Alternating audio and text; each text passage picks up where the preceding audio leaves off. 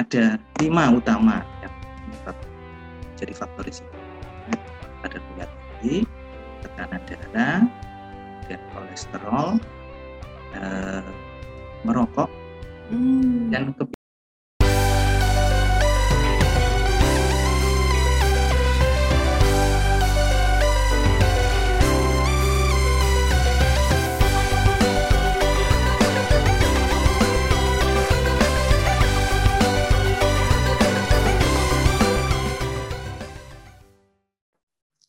Bismillahirrahmanirrahim. Halo, Assalamualaikum warahmatullahi wabarakatuh. Salam agromedis. Kembali lagi bersama saya, Dr. Adelia Handoko MSI di Bidang Agromedis Fakultas Kedokteran Universitas Jember. Nah, kali ini saya sudah kedatangan tamu yang luar biasa. Kita akan memperingati Hari Stroke Dunia nih. Nah, siapa tamunya? Penasaran kan? Tapi sebelumnya jangan lupa ya untuk follow, subscribe, dan juga komen di YouTube Fakultas Kedokteran Universitas Jember.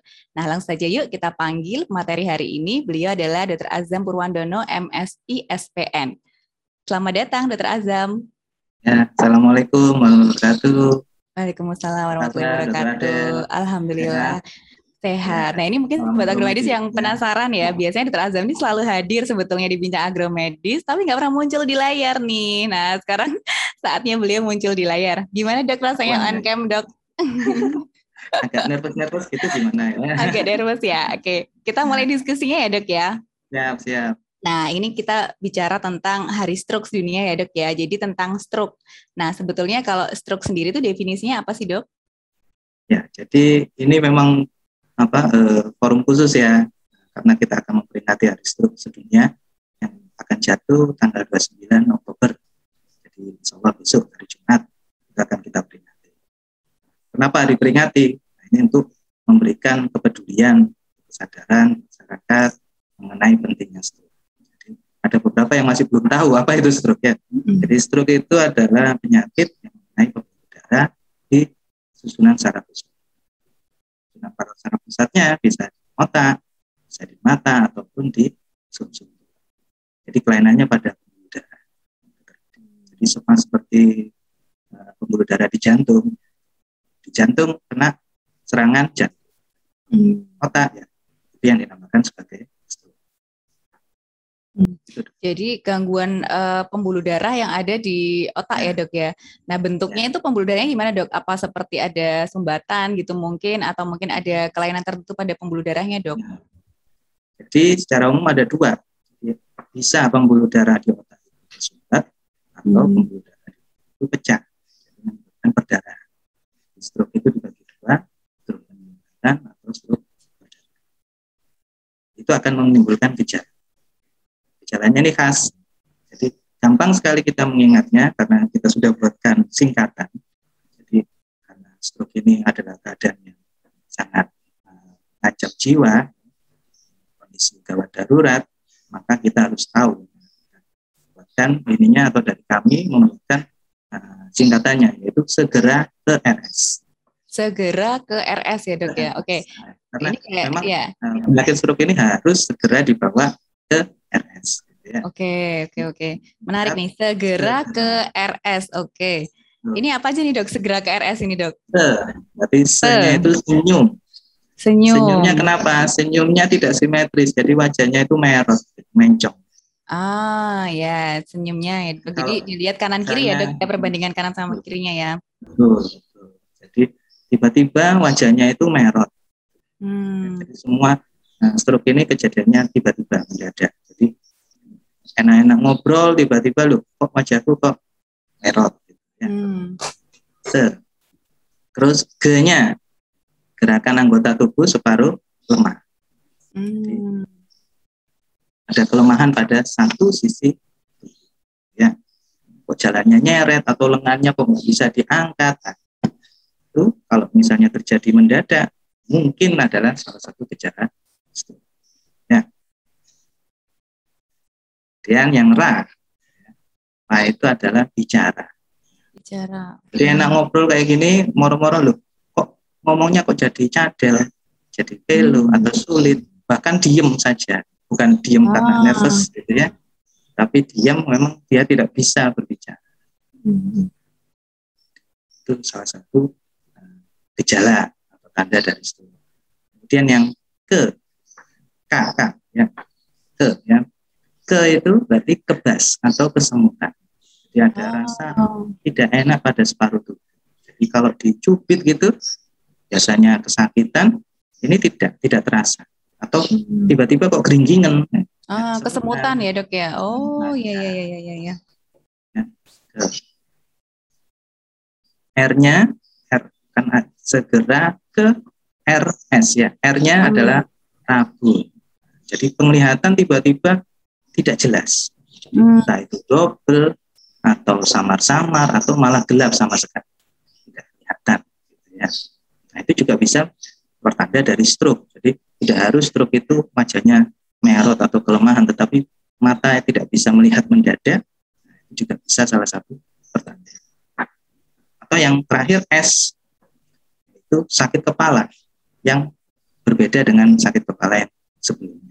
Jadi biasa kan kita kalau apa sakit kepala itu ya kadang-kadang akhir bulan gitu sakit kepala dan stroke gitu ya. Kepala yang uh, di luar biasanya ya tidak pernah dirasakan sebelumnya. Jadi sakit kepala yang hebat itu nah, kalau nemu gejala tadi itu segera ke Oke, berarti segera ke RS-nya senyum. Saya cek dulu dok. Hmm, ya. ada ya dok ya? Enggak ya dok, oke. Okay. Terus gerakan, nah gerakan ini tangan sama kaki ya dok. Nah ini sehat ya, ya dok berarti ya? Oh enggak, oke. Okay. Ya. Terus ra bicara, nah ini enggak ya dok ya? Nah. Tetap hmm. lancar ya. Kalau uh, ada gangguan bicara tuh berarti uh, pelo tadi ya dok atau diam ya? Diam. Uh, dan itu tiba-tiba. Okay. terus kayaknya kesemutan nih enggak nih, alhamdulillah. oh oke okay, oke. Okay. Kenya kesemutan ya dok ya? Kesemutan. Enggak, enggak. Alhamdulillah enggak. Terus RS, R-nya rabun ya. Dr. Azam bisa menjelaskan dengan jelas kan dok? Saya bisa melihat Dr. Azam dengan jelas. Berarti R aman, S sakit kepala. Enggak ya, alhamdulillah enggak sakit kepala. Ini seru sekali nih sobat agromedis. Uh, mungkin nanti uh, ditulis di description box ya supaya sobat agromedis nanti bisa uh, menghafalkan dan mempraktekkan. Tapi mudah sekali rasanya singkatannya dari segera ke RS. Se-nya itu senyum, uh, G-nya itu gerakan uh, gerakan anggota tubuh, R-nya bicara, hmm. ke kesemutan, R-nya rabun, S-nya sakit kepala. Betul ya, Dok ya? Nah, sudah lulus ini berarti saya. Terus untuk selanjutnya, Dok, uh, sebetulnya untuk seseorang itu bisa terkena stroke, ada faktor resiko tertentu nggak, Dok, yang semakin memperbesar kemungkinan seorang itu bisa kena stroke? Ya, jadi memang stroke ini tadi tuh Kenapa sih penting harus segera ke rumah sakit? Karena angka kematian dan angka kecacatannya cukup tinggi. Jadi kita perlu apa mewaspadai ini dan ada peringatan itu bukan memperingati orang yang stroke itu supaya kita apa kita syukuri atau apa gitu enggak tapi kita memberikan kepedulian bahwa stroke ini sebenarnya bisa dicegah hmm. dicegahnya karena ada faktor risiko faktor risiko ini uh, sebagian besar bisa dicegah Memang ada faktor risiko ada dua, ada yang tidak bisa dimodifikasi, tidak bisa diubah, ada yang bisa diubah. 90% bisa diubah ya. Kalau yang tidak bisa diubah ya umur misalnya. Jadi hmm. semakin lanjut usia kita ya pasti risiko untuk terjadi stroke itu ada. Ya. Kemudian jenis kelamin laki-laki ya, ya kita tidak bisa menolak kayak saya laki-laki nggak bisa menolak saya ingin jadi perempuan bisa. Tetapi hmm. uh, yang utama adalah faktor risiko yang bisa diubah. Bisa dicegah. Banyak sekali. Contohnya adalah penyakit diabetes, hmm. darah yang tinggi, darah tekanan darah tinggi, kemudian kolesterol ya. Jadi ada lima utama yang menyebab jadi faktor risiko. Ada gula tinggi, tekanan darah, kemudian kolesterol, eh, merokok, hmm. dan kebiasaan ini imobilisasi. Oh. Jadi apa ya? Mager ya dok, mager ya. Uh, mager. mager. Ini sering di rumah saja, WFH, nah itu akhirnya takut ke mana-mana di rumah tidur tiduran, nah, mager akhirnya. Ya. Ah, ya, ya, ya, ya. Ini informasi yang menarik untuk sobat agromedis nih. Jadi tadi ada lima uh, gula darah, tekanan darah, kolesterol, uh, merokok, dan juga imobilisasi ya dok ya. Nah, gaya hidup lah, lifestyle lah ya. Ah, oke, oke, oke. Jadi nggak boleh. Ada lagi penyakit jantung. Jadi oh, penyakit, penyakit jantung ya itu juga bisa di, di, apa, di hmm. dari kita bisa melakukan uh, pencegahan Hmm. Terus uh, terkait faktor risiko juga nih dok ya, mungkin berarti uh, banyak nih mungkin sobat agromedis yang penasaran juga, misalnya kecenderungan suka makan makanan yang asin atau misalnya suka makanan-makanan yang berlemak atau yang goreng-gorengan itu juga salah satu faktor risiko juga ya dok?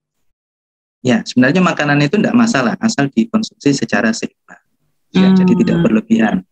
Jadi monggo nggak ada larangan, oh nggak boleh makan yang apa berlemak-lemak boleh tetapi dibatasi ya jadi mm-hmm. saya ingat guru saya pernah ngomong ada uh, eh, NBA ya nikmati batasi imbangi ah. ya, ya jadi nikmati ya dinikmati aja kalau mau makan makan saja tapi batasi jangan terlalu berlebihan mm. imbanginya dengan exercise olahraga ah, oke oke oke mati, batasi, imbangi ya dok. Wah ini, nah. ini kayaknya nyindir saya nih dokter Azam nih kayaknya nih. Jadi boleh nah, makanan makanan berlemak boleh, uh, yang suka asin boleh, tapi dibatasi ya dok. Nggak boleh senin nah. sampai minggu, terus terus-terusan makan makanan yang berlemak, bersantan, goreng-gorengan. Nah itu berarti tidak dibatasi ya dok, harus dibatasi dan uh, imbangi. Oke, Nah, eh, sekarang kan eh, mungkin angka stroke kalau di dunia itu gimana dok? Semakin meningkat atau trennya semakin turun atau gimana dok? Ya, ini memang menjadi keprihatinan ya. Jadi satu dari empat orang di dunia ini menderita stroke. Ah, satu dari empat ya dok? Ya. Iya dua orang satu ya. Tapi jangan berharap gitu ya. Tapi ya itu dari seluruh satu populasi di dunia, oh, okay, okay. tahun lalu satu dari empatnya menderita stroke. Hmm. Ya. Kalau dari jenis kelamin dok, laki-laki perempuan ada ini tertentu nggak? Laki memang lebih berisik. Ah, alhamdulillah, enggak ya, enggak alhamdulillah enggak ya. Tapi perempuan juga apabila oh, dia juga. mengalami menopause. Jadi oh, ketika menopause. dia mengalami menopause, maka risiko terjadi stroke itu sama dengan Hmm, oke oke oke. Jadi laki-laki atau perempuan uh, tetap ya dok resikonya ada. Ya. Uh, kalau pada yang uh, perempuan berarti setelah menopause terutama semakin meningkat faktor resikonya ya, ya dok. Oke, terus sekali lagi nih dok, yang tadi uh, tadi sudah um, apa umur jenis kelamin ya dok.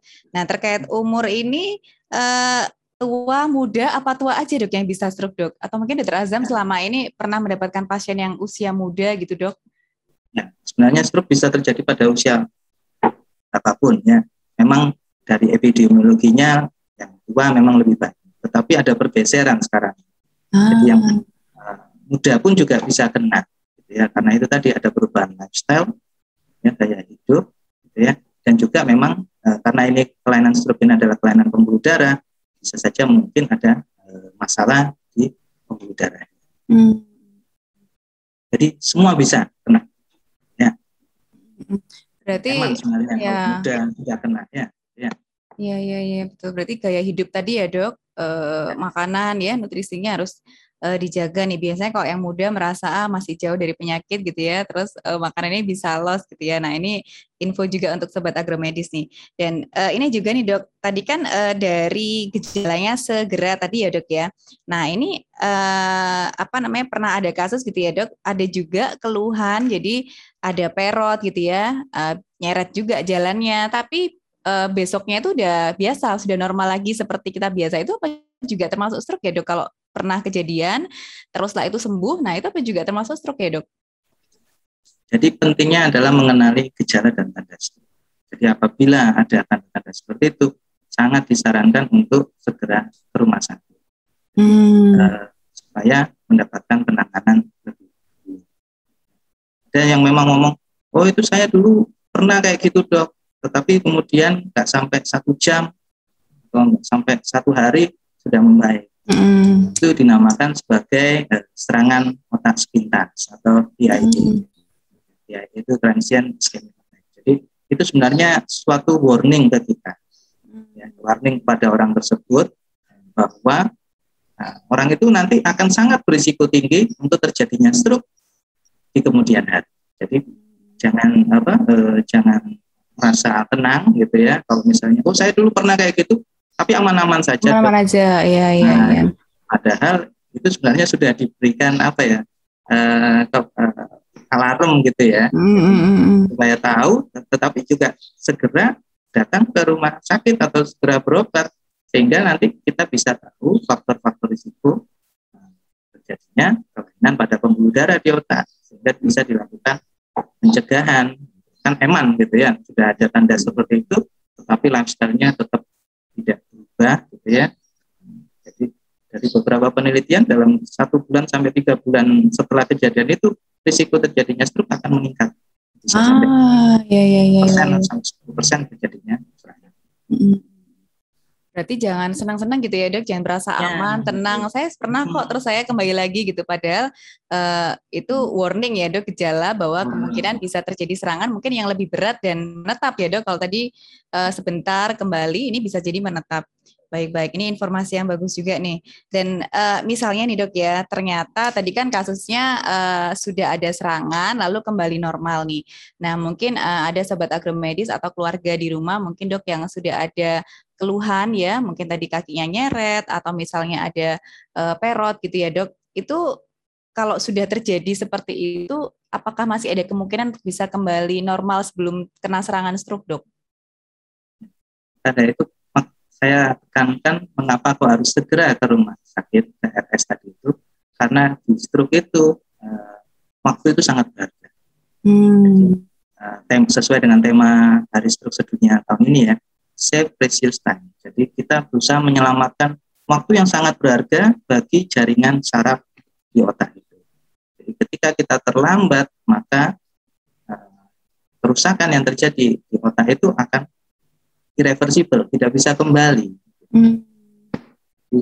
Harapannya dengan segera ke rumah sakit, nah, segera tertangani dengan baik, faktor risikonya teratasi, maka gejala-gejala tadi itu akan kembali reversible atau kembali ke keadaan normal atau paling tidak mendekati normal. Save precious time ya dok ya. Jadi ya, waktu ini berharga sekali gitu ya untuk stroke ya dok. Semakin Nah, ya. semakin lama penanganannya, semakin ditunda-tunda, berarti ya. uh, keluhannya bisa menjadi semakin berat ya dok ya, semakin meluas semakin gitu berat, areanya. Semakin ya. melebar. Hmm. Bisa saja tadi cuman apa tangannya kok lemes masih bisa hmm. diangkat, tapi karena dia menunda-nunda, tidak mau hmm. ke dokter atau ke rumah sakit, malah tambah ngeple gitu ya, bisa diangkat hmm. sama sekali. Nah, memang kalau kita terlambat, ada penelitian mengatakan bahwa terlambat satu menit, dua juta sel saraf itu.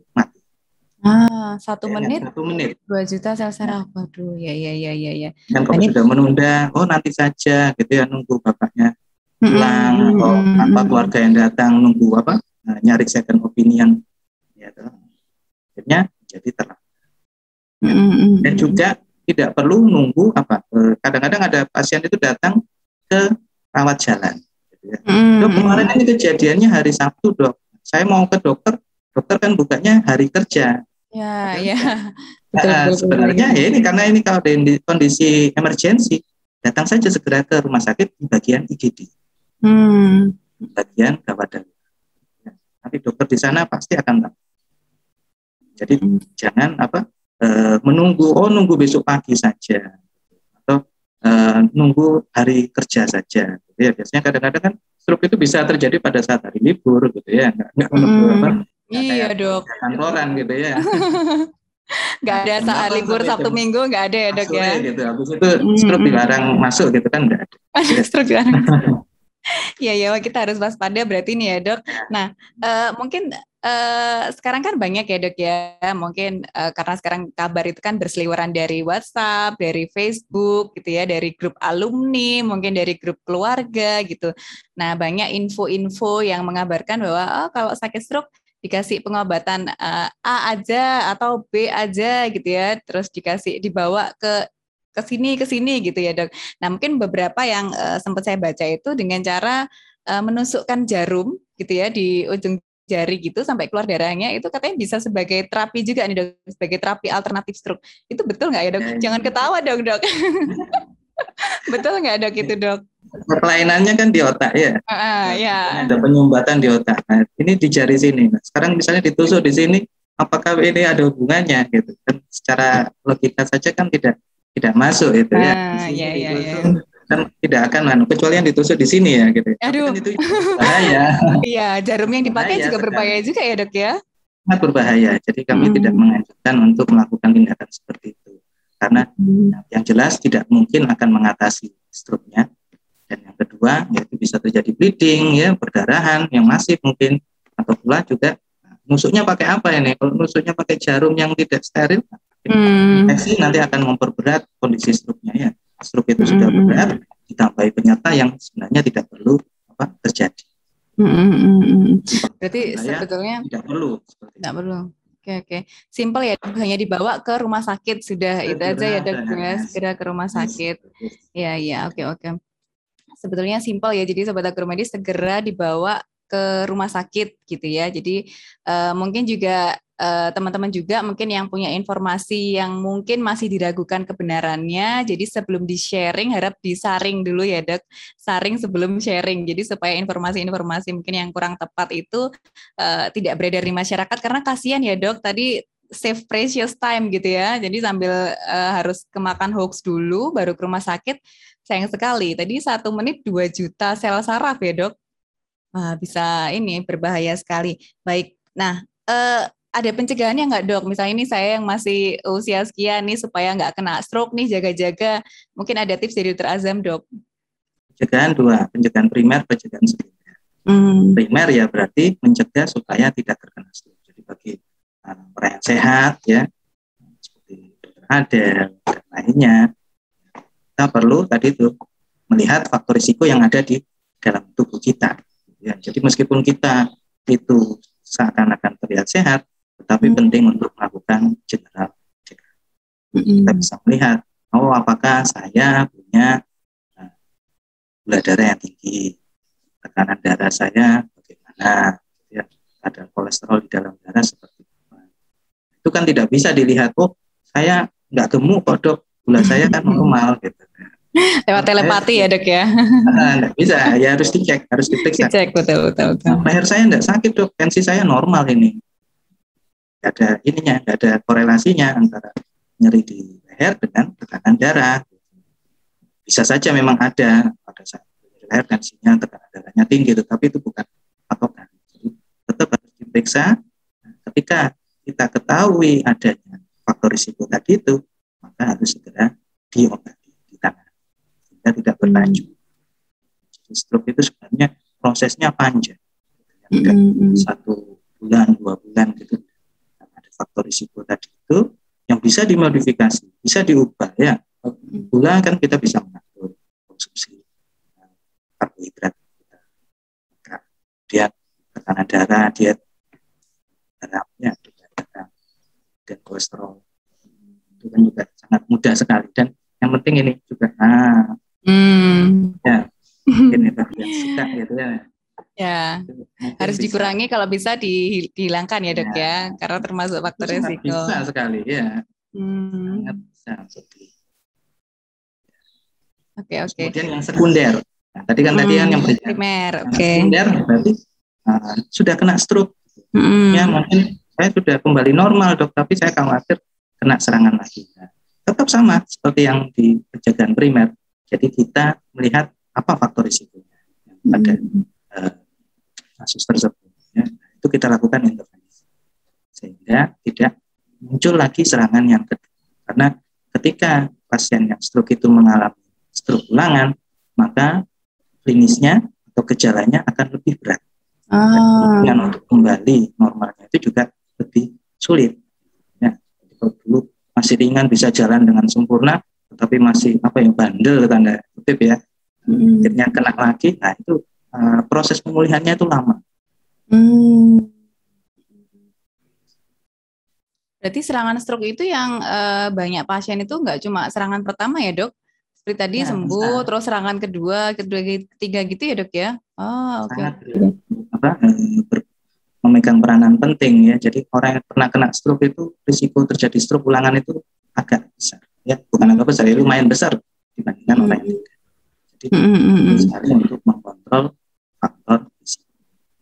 Hmm. Terus tadi ada general check up tadi ya dok untuk cek gula, ya. kolesterol. Nah itu, uh, misalnya bagi yang belum nih dok ya untuk antisipasi untuk sekedar screening itu yang disarankan dari dokter Azam ini berapa bulan sekali gitu dok? Atau setahun berapa kali nih kita harus mengecek uh, kadar tadi dok? Ya, pokoknya usia di atas 30 paling tidak pernah sekali. Misalnya bagus tiap enam bulan. Ya, oh tiap enam bulan. Masih uh, perlu penanganan lebih lanjut mungkin dia juga kalau tadi itu. Ketika diperiksa itu bagus mungkin dia mau atau bahkan tiap satu yang penting kita melakukan kita punya uh, data diri kita. Ya. kita kenalilah diri kita sendiri. Iya, kadang nggak mau cek karena takut ketahuan dok. Jadi mendingan nggak usah dicek. karena nggak siap menerima kenyataan. Nggak siap menerima kenyataan. Nah, tapi karena dapat informasi dari dari dokter Azam ini saya langsung berangkat nih dok setelah ini dok. Langsung cek nih. mumpung mau menuju hari stroke dunia. Nah, eh, ini dok, ini kan terkait dengan sekarang kondisi pandemi ya dok ya. Nah, eh, bagi penderita stroke ini dok, apakah boleh tetap dilakukan vaksin dok? Nah, banyak pertanyaan. Mm. Dok, saya kena stroke, boleh enggak vaksin? Apa? Kenapa nggak boleh? Saya tanya gitu ya. Mm. Jadi pasien-pasien yang mengalami stroke fase akut maksudnya fase akut itu ya baru saja terjadi Barusan. stroke, kemudian dia dirawat di rumah sakit, menjalani perawatan, itu memang uh, vaksinasi ditunda dulu. Dan hmm. tidak boleh ditunda dulu. Tetapi kalau dia sudah dinyatakan sudah kondisinya stabil, ya sudah boleh rawat jalan, ya apalagi struknya, kapan kena struknya? Sudah lima tahun yang lalu. tahun yang lalu ya. tahun yang lalu ya. Asalkan kondisinya sesuai dengan persyaratan dari vaksin, boleh. Ya sangat dianjurkan untuk melakukan karena hmm. pandemi ini, bila dia terkena, gitu, stroke itu merupakan suatu komorbid dari COVID. Jadi hmm. gejala dari COVID-nya nanti akan lebih jelek pada hmm. pasien-pasien hmm. yang mengalami stroke. Daripada kita kena stroke, ya, mending baik eh, kena apa? Kena COVID, ya, kemudian ada stroke-nya, maka kan gejalanya jelek ya. Kita hmm. sangat disarankan untuk vaksin Mm-hmm. Walaupun tetap minum obat, uh, tetap ada obat-obatan stroke Jadi, yang diminum, tetap boleh vaksin ya dok. Silakan berkonsultasi dulu ke dokter spesialis saraf atau spesialis neurologi. Hmm. Jadi akan dijelaskan, lalu kalau perlu nanti dibuatkan surat keterangan bahwa pasien tersebut atau orang tersebut layak untuk mendapatkan hmm. vaksinasi. Jadi lego gitu ya. Ya, ya betul betul dok. Biasanya kan karena takut-takut ya dok. Ini boleh nggak, boleh nggak gitu. Jangan-jangan karena takutnya jadi tambah stres, malah uh, naik semua apa tensinya naik, gulanya naik gitu ya dok. Nah tadi Terazam sempat ini menyebut nih dok. Ini mungkin juga beberapa sobat agromedis ada yang uh, belum tahu nih spesialis saraf sama spesialis neurologi itu sama atau beda sih dok? Sama. Sama, sama ya dok. Spesialis saraf sama neurologi itu sama hanya beda nama, ganti nama aja dulu memang SPS ya dan sekarang SPS. SPS. Sama tidak ada hanya beda. Nanti pun juga yang SPS akan berubah namanya menjadi SPS spesialis. Nah. Oke oke ini jadi sobat agromedis informasi juga nih ya. Jadi nggak usah bingung nanti kalau ke rumah sakitnya dokter Azam spesialis saraf nggak ada adanya dokter Azam spesialis neurolog gitu ya. Tapi orangnya sama sebenarnya sama ya dok SPS dan SPN. Oke, dan ini dok, kalau tadi apakah boleh orang stroke itu vaksin? Nah, sekarang ini dok, ini juga banyak informasi mungkin yang simpang siur di masyarakat nih yang beredar. Uh, apakah vaksin itu jadi bisa bikin stroke dok? Itu kan ada orang-orang yang memang tidak tidak suka vaksin, ya. jadi uh, tidak tidak ada. Tidak ya dok, tidak betul ya dok, itu hoax ya dok? Justru uh, kalau kita tidak mau vaksin tadi saya katakan mungkin saja bisa kena COVID lebih besar ya dibandingkan yang uh, vaksin ya. Nah, ketika dia kena COVID maka risiko terjadinya stroke itu juga besar. Ya, jadi COVID itu uh, kelainannya tidak hanya pada sistem pernapasan paru-paru tetapi juga pada pembuluh darah. Jadi kekentalan pembuluh darahnya itu uh, darah di dalam pembuluh darah itu menjadi lebih kental sehingga di otak, di saraf akan menjadi apa penyumbat. Malah orang yang tidak vaksin ya terkena COVID risiko terjadi stroke-nya malah lebih besar dibandingkan orang yang melakukan vaksinasi. Jadi insya Allah aman vaksin. Ya, silakan. Mumpung masih gratis. Mumpung masih gratis ya. Iya iya iya. Nah, uh, mungkin kalau sobat agromedis penasaran ya di episode yang lalu saya juga sudah berdiskusi berbincang dengan Dr. Ulfa nih, beliau ketua Satgas Covid. Jadi yang penasaran kalau pengen vaksin itu di mana, syaratnya apa saja, nanti bisa klik ya, bisa diklik di hmm. episode yang sebelumnya nih sudah ada informasinya lengkap. Baik nih, mungkin yang terakhir di Dr. Azam ya Dok, ada pesan-pesan khusus yang ingin disampaikan untuk sobat agromedis ataupun mungkin uh, ada uh, penderita atau teman kita atau sobat kita di luar sana yang uh, mungkin menderita stroke dalam rangka stroke dunia, dok. Silakan dok. Jadi penting sekali untuk mengenali gejala segera beres tadi. Ya. Kenapa? Kenapa kok kita harus segera? Karena eh, stroke itu eh, merupakan waktu yang sangat berharga untuk segera ditangani. Jika kita melewatkan waktu yang berharga itu, maka gejala sisanya akan lebih berat dibandingkan ketika kita segera dari saya itu yang utama. Kemudian juga uh, pencegahan. Jadi mencegah lebih baik daripada mengobati. Jadi kenalilah faktor risiko yang ada di diri kita sehingga kita bisa melakukan intervensi. Ya, sama juga ini di agromedis ya. Agromedis ini stroke dok antara masyarakat desa dan masyarakat kota lebih banyak stroke yang mana gitu ya. Hmm. Datanya memang kalau di Jember belum ada ya hmm. tapi uh, beberapa penelitian sebenarnya tidak tidak tidak tidak membedakan antara desa dan kota. Kota, oh, sih. Hmm. Ada yang mengatakan seperti itu. Ada yang ngomong uh, desa lebih rendah struknya. Ya. Tetapi penelitian di Cina malah di desa itu malah lebih banyak. Hmm.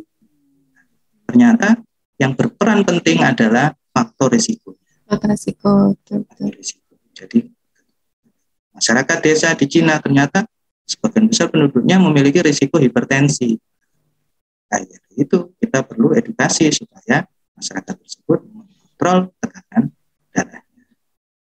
Tidak, tidak tidak perlu dibedakan antara masyarakat desa kota ya karena di desa pun sekarang sudah apa e, pengaruh dari kota itu sudah sudah masuk gitu ya jadi mungkin dulu pertanian menggunakan alat-alat itu pakai okol gitu ya pakai hmm. otot gitu ya Nah, sekarang pakai mesin gitu, kan beda ininya, apa? beda sensasinya ya, dan olahraganya juga jadi kurang. Gitu. Berkurang, ya betul betul betul. Jadi di faktor imobilisasi tadi ya dok ya. ya jadi penting mengenali faktor risiko sehingga kita bisa melakukan pencegahan. Ya. Saya rasa itu. Ya, baik. Terima kasih banyak Dokter Azam. Nah, ini Dokter Azam punya kabar gembira nih buat Sobat Agromedis semua dalam rangka Hari Stroke Dunia. Dokter Azam mau bagi-bagi giveaway nih untuk Sobat Agromedis yang ada di rumah. Jadi nanti rules-nya adalah Dokter Azam akan memberikan pertanyaan, satu pertanyaan yang akan dijawab oleh teman-teman Sobat Agromedis semua. Nah, nanti dijawabnya adalah di komen di uh, maaf di IG Fakultas Kedokteran Universitas Jember. Jadi pertanyaannya akan disampaikan setelah ini dan teman-teman sobat agromedis nanti menjawabnya di komen IG FKUNet. Nah, nanti akan dipilih tiga orang yang beruntung yang jawabannya paling tepat dan akan mendapatkan uh, souvenir nih dari Dr. Azam ya dok dalam rangka memperingati Hari Stroke ya. Dunia. Nah, kita kasih applause ya. dulu dong buat Dr. Azam.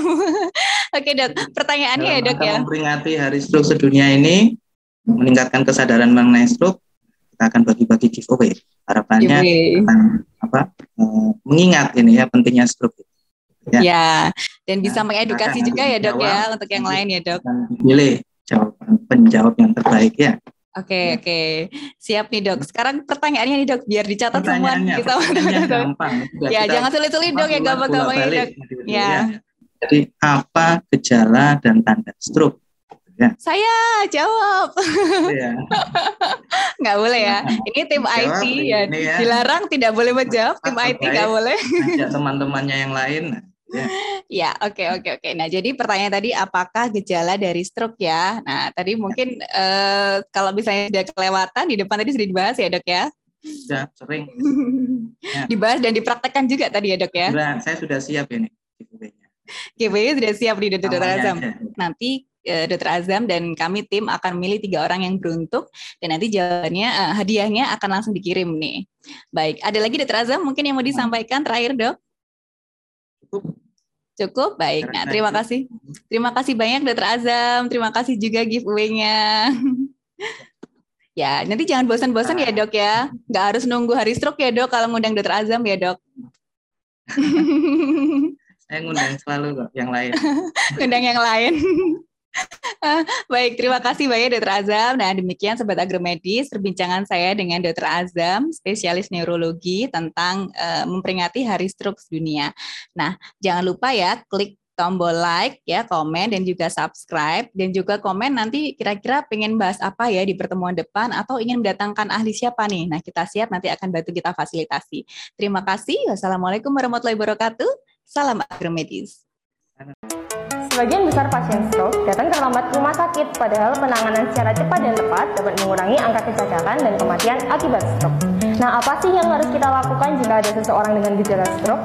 Jadi pertama, mari kita kenali dahulu apa itu stroke. Sederhananya, stroke merupakan gangguan otak yang terjadi akibat penyumbatan atau pecahnya pembuluh darah otak yang terjadi secara mendadak. Normalnya, nutrisi dan oksigen dalam otak didapatkan melalui aliran darah. Terjadi penyumbatan, otak akan kekurangan oksigen dan jaringan otak akan mati. Atau adanya tekanan darah yang terlalu tinggi sehingga pembuluh darah di otak bisa pecah.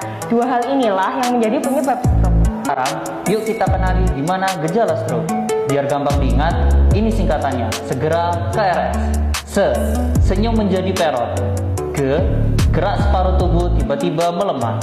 Ra, bicara menjadi terbata-bata atau pilu ke kesemutan separuh tubuh, R rabun tiba-tiba, dan S sakit kepala hebat. Nah, ada banyak faktor yang bisa meningkatkan risiko terjadinya stroke pada seseorang, di antaranya adanya riwayat penyakit jantung, hipertensi, diabetes, riwayat stroke dalam keluarga, dislipidemia atau kolesterol tinggi, obesitas atau kegemukan, konsumsi makanan berminyak dan minuman beralkohol berlebih, dan merokok tersebut dapat dihindari dengan melakukan olahraga secara rutin selama 30 menit setiap hari, makan makanan bergizi, kurangi asupan garam dan MSG, hindari merokok, kendalikan stres dan istirahat cukup 6-8 jam per hari. Nah, kalau sudah ada gejala segera KRS, maka segera KRS ya. Jangan ditunda, karena setiap detik sangat berharga untuk kesehatan otak. Ingat stroke, ingat segera KRS.